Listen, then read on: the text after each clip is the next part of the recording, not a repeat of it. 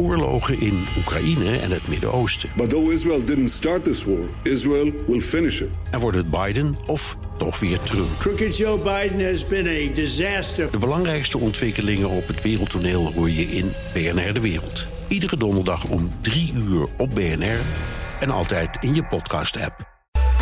BNR Werkverkenners wordt mede mogelijk gemaakt door BrainNet. BrainNet voor zorgeloos en professioneel personeel inhuren. Nieuwsradio. BNR Werkverkenners. We horen het de hele dag op de radio, onder andere ook bij BNR. Het werk gaat veranderen. Als je nu een beroep hebt, kun je er niet zeker van zijn dat je het over tien jaar ook nog hebt. De vraag is dan, wat moet ik dan wel leren? En dan hebben ze het opeens over 21st century skills. Het zijn er drie. Hoe word je creatief? Hoe zorg je ervoor dat je problemen makkelijk oplost? En hoe kun je kritisch denken? In deze uitzending pakken we er eentje uit. Namelijk, hoe word je creatief? BNR Werkverkenners. Met Rens de Jong. Op naar mijn eerste gast. Mijn naam is uh, Marjolein Jansen. Ik ben vicevoorzitter van de Vrije Universiteit in Amsterdam. En uh, heb hiervoor ook in het beroepsonderwijs gewerkt als college van bestuurslid. En ook op het departement van OCW. Ze ziet dat studenten tegenwoordig anders studeren. Als ik het met mezelf vergelijk, ik ging studeren, wilde mijn diploma halen en aan de slag. En nu uh, ja, zien ze studeren ook als onderdeel van vorming. En wie ben ik eigenlijk en wat wil ik eigenlijk bijdragen? Studenten willen tegenwoordig veel meer dan alleen die ene studie. Uh, dus ze zeggen, ik ga wel rechten studeren... maar ik wil er een vak filosofie bij doen... of ik wil er een economisch vak bij doen... En daarmee zie je dat ze al zoeken naar... ik pas niet helemaal in dit hokje. En dat gebeurt vooral bij het hogere onderwijs. Maar Marjolein ziet het ook steeds meer opkomen bij het mbo. Ook daar zie je dat uh, ja, werkgevers zeggen van... ja, ik wil nu wel een, een timmerman hebben... maar die timmerman krijgt ook te maken met elektro... krijgt misschien ook wel te maken met ICT-vraagstukken. Dus kan die dat er ook een beetje bij krijgen? Hm. Nou, en dat zoeken naar... Uh, ja, de, de, de dingen die buiten de kaders zijn, dat zie je meer. Het World Economic Forum definieert dus drie belangrijke 21st century skills voor werknemers. Dat zijn creatief denken, probleemoplossend vermogen en kritisch denken. Wat vindt Marjolein van die voorgestelde vaardigheden? Ja, volgens mij zijn dit uh, de drie elementen die je naast je vakkennis uh, moet hebben. Uh, omdat je ja, creatief denken, innovatief vermogen, dat zit voor mij heel erg bij elkaar. bedenk iets wat er nog niet eerder was. want je krijgt ook problemen die er nog niet eerder waren. Uh, en dat is wat we moeten leren aan uh, studenten van nu. Uh, maar ook werknemers van nu. Want je bent niet uitgeleerd. -hmm. Is het zo dat je die drie dingen, dat je die altijd nodig hebt, maar dat je vakinhoudelijkheid zo snel verandert? Ja, ik denk dat dat een soort basisvaardigheden zijn om wendbaar te zijn of weerbaar te zijn. Wat, wat we heel veel gebruiken. Ook als je het hebt over personeelsbeleid. Hoe hou je je mensen wendbaar en weerbaar? Ik zie dat de, de mensen die daar succesvol in zijn, in de basis uh, buitengebaande paden durven gaan. Uh, het leuk vinden om met anderen op zoek te gaan naar een oplossing. in plaats van de bedenker te worden van een probleem. Um, en dingen te bedenken die er nog niet eerder waren. Ja. En dan kun je veel makkelijker.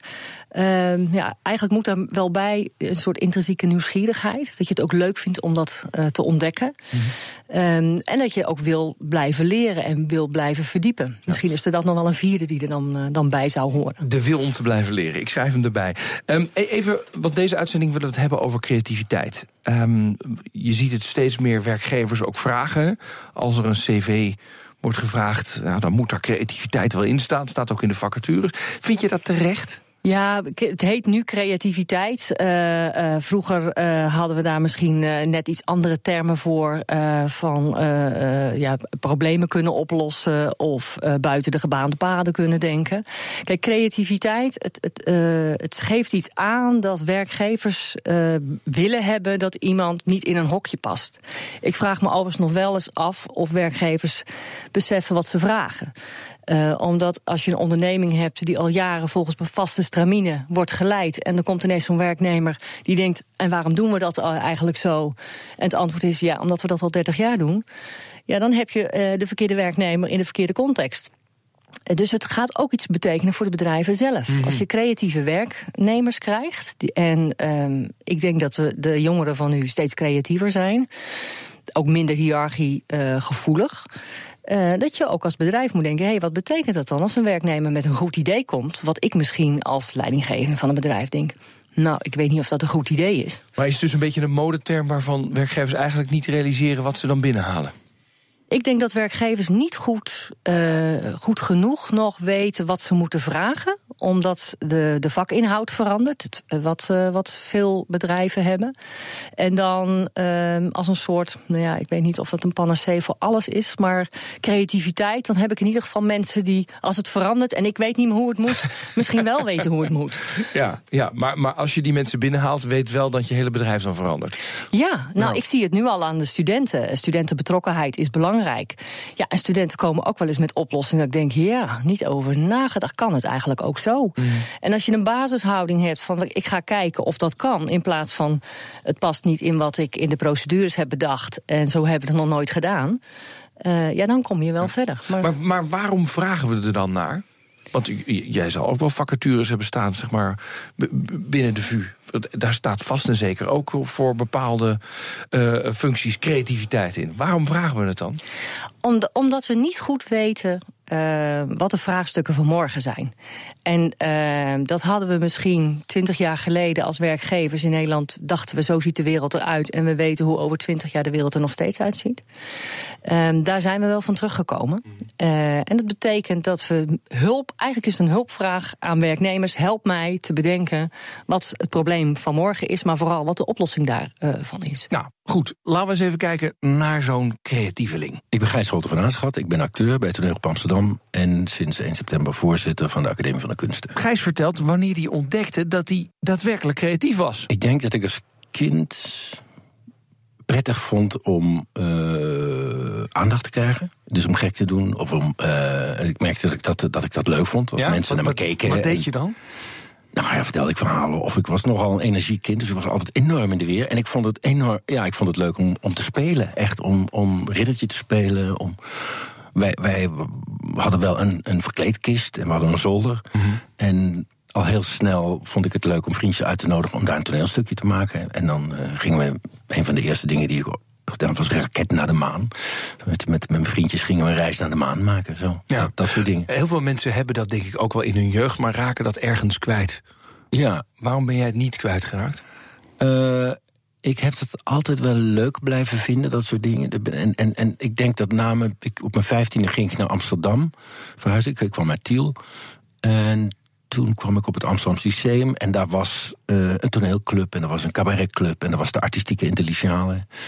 En daar heb ik meteen allemaal voor aangemeld. En toen ben ik daar toneel gaan doen en cabaret en eloquentia, heel belangrijk. En toen kwam ik in aanraking met een leraar die heel veel voor mij betekende, Pim Batema. Die kwam ik op een andere school tegen, die gaf Economie 2.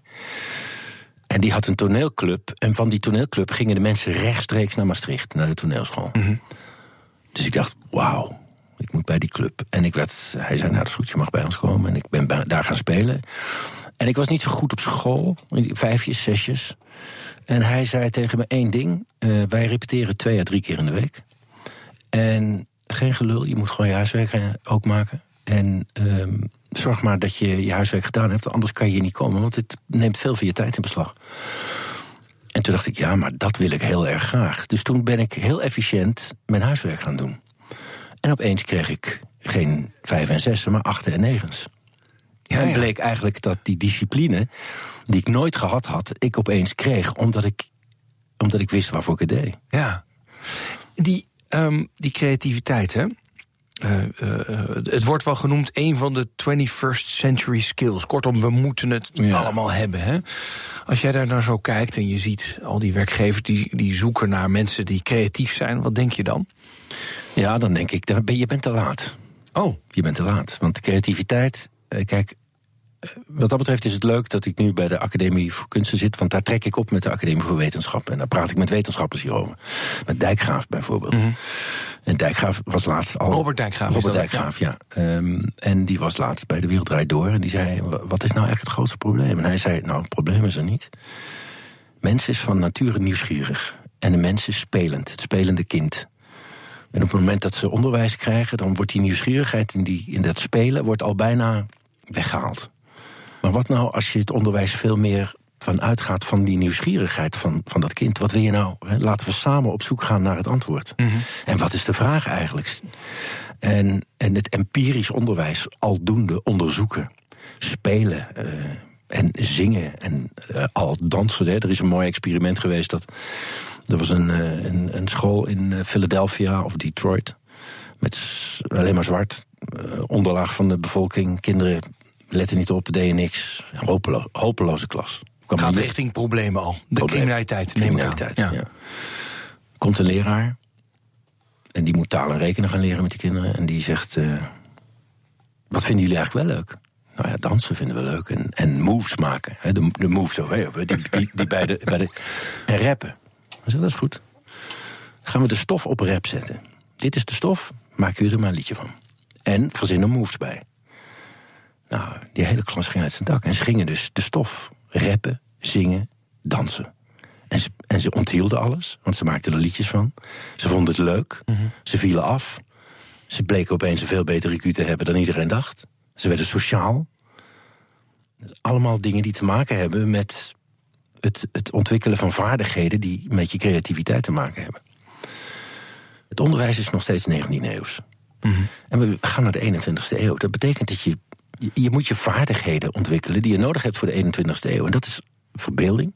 Maar ook hoe werk je met je handen? Weet je wel? Je moet veel meer met je handen gaan doen. Want wat hebben we nodig? We hebben verbeelding nodig en we hebben mensen die dingen kunnen maken.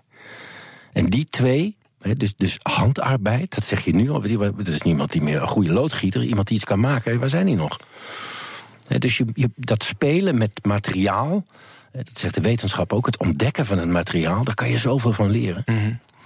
En dus dat spelenderwijs leren, empirisch onderzoek, is ontzettend belangrijk. Dus je ontdekt, je speelt en je leert. Ja. Nou, dat is voor mij het ideale onderwijs. Ik zeg niet dat je daarbij eh, nog twee uur gewoon aan een tafel moet zitten om je rekensommen en je dingetjes te doen.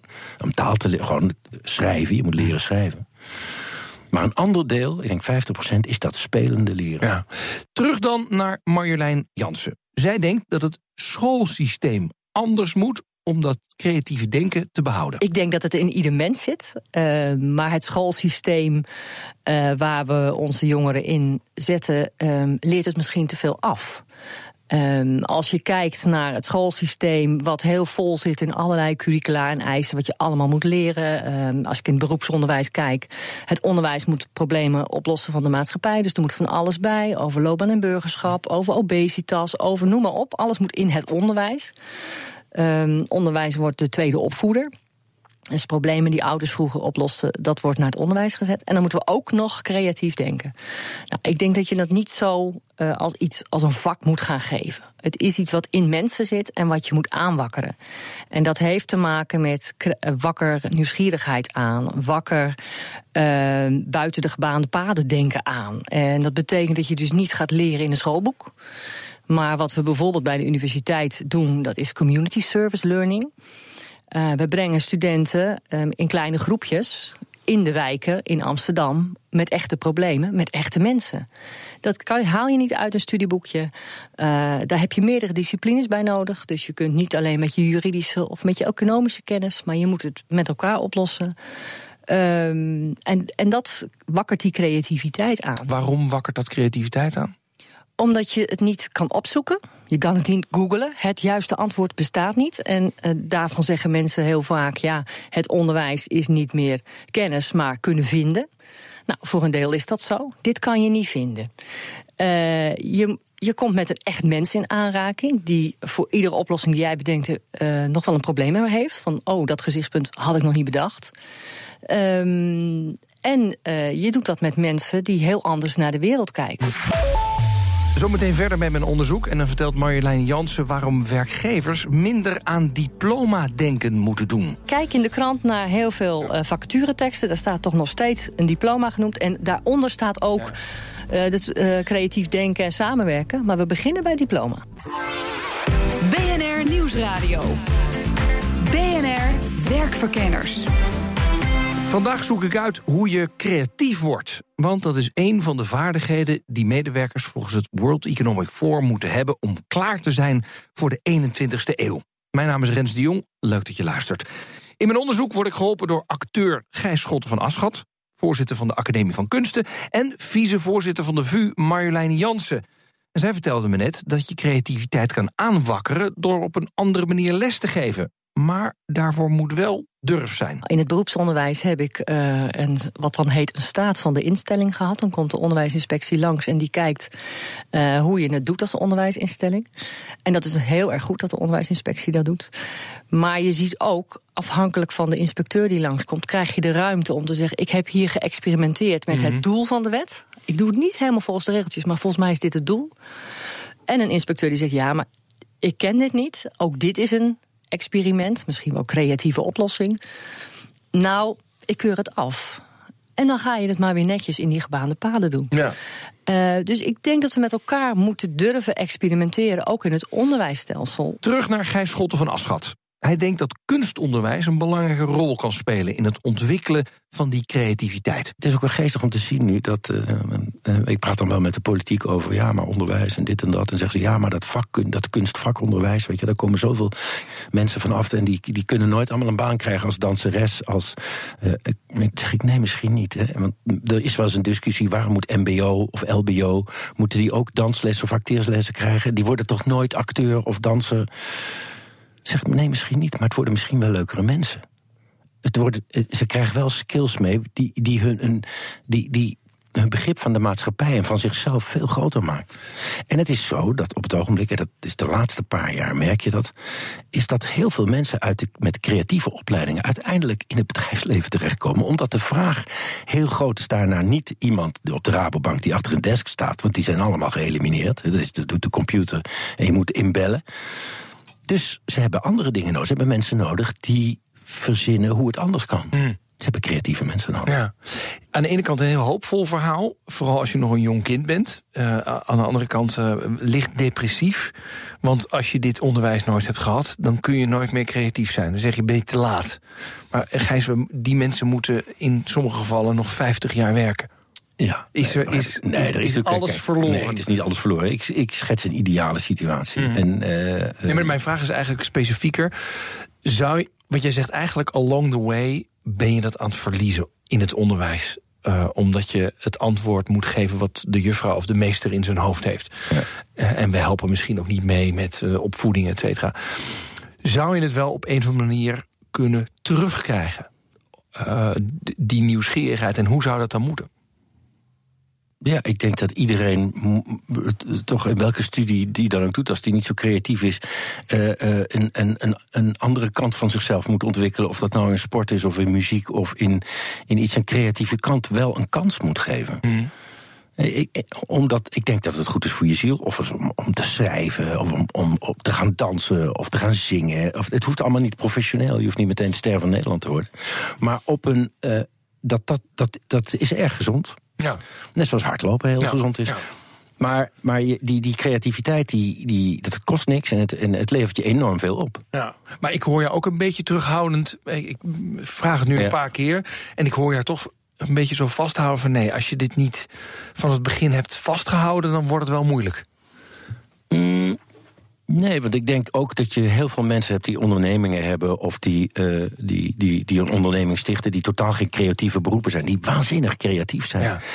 En ik denk dat het te ma mee te maken heeft... is durf je buiten de be be be gebaande paden te denken.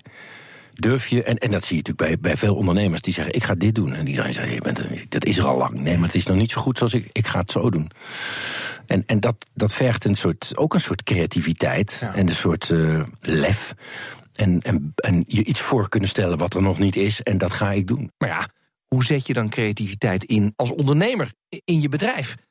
Daarvoor spreek ik met deze man. Ja, goedendag. Ik ben uh, Pascal Giele. Ik ben uh, hoogleraar uh, sociologie aan de Universiteit van Antwerpen in, uh, in België. En ik uh, doe onderzoek over creativiteit.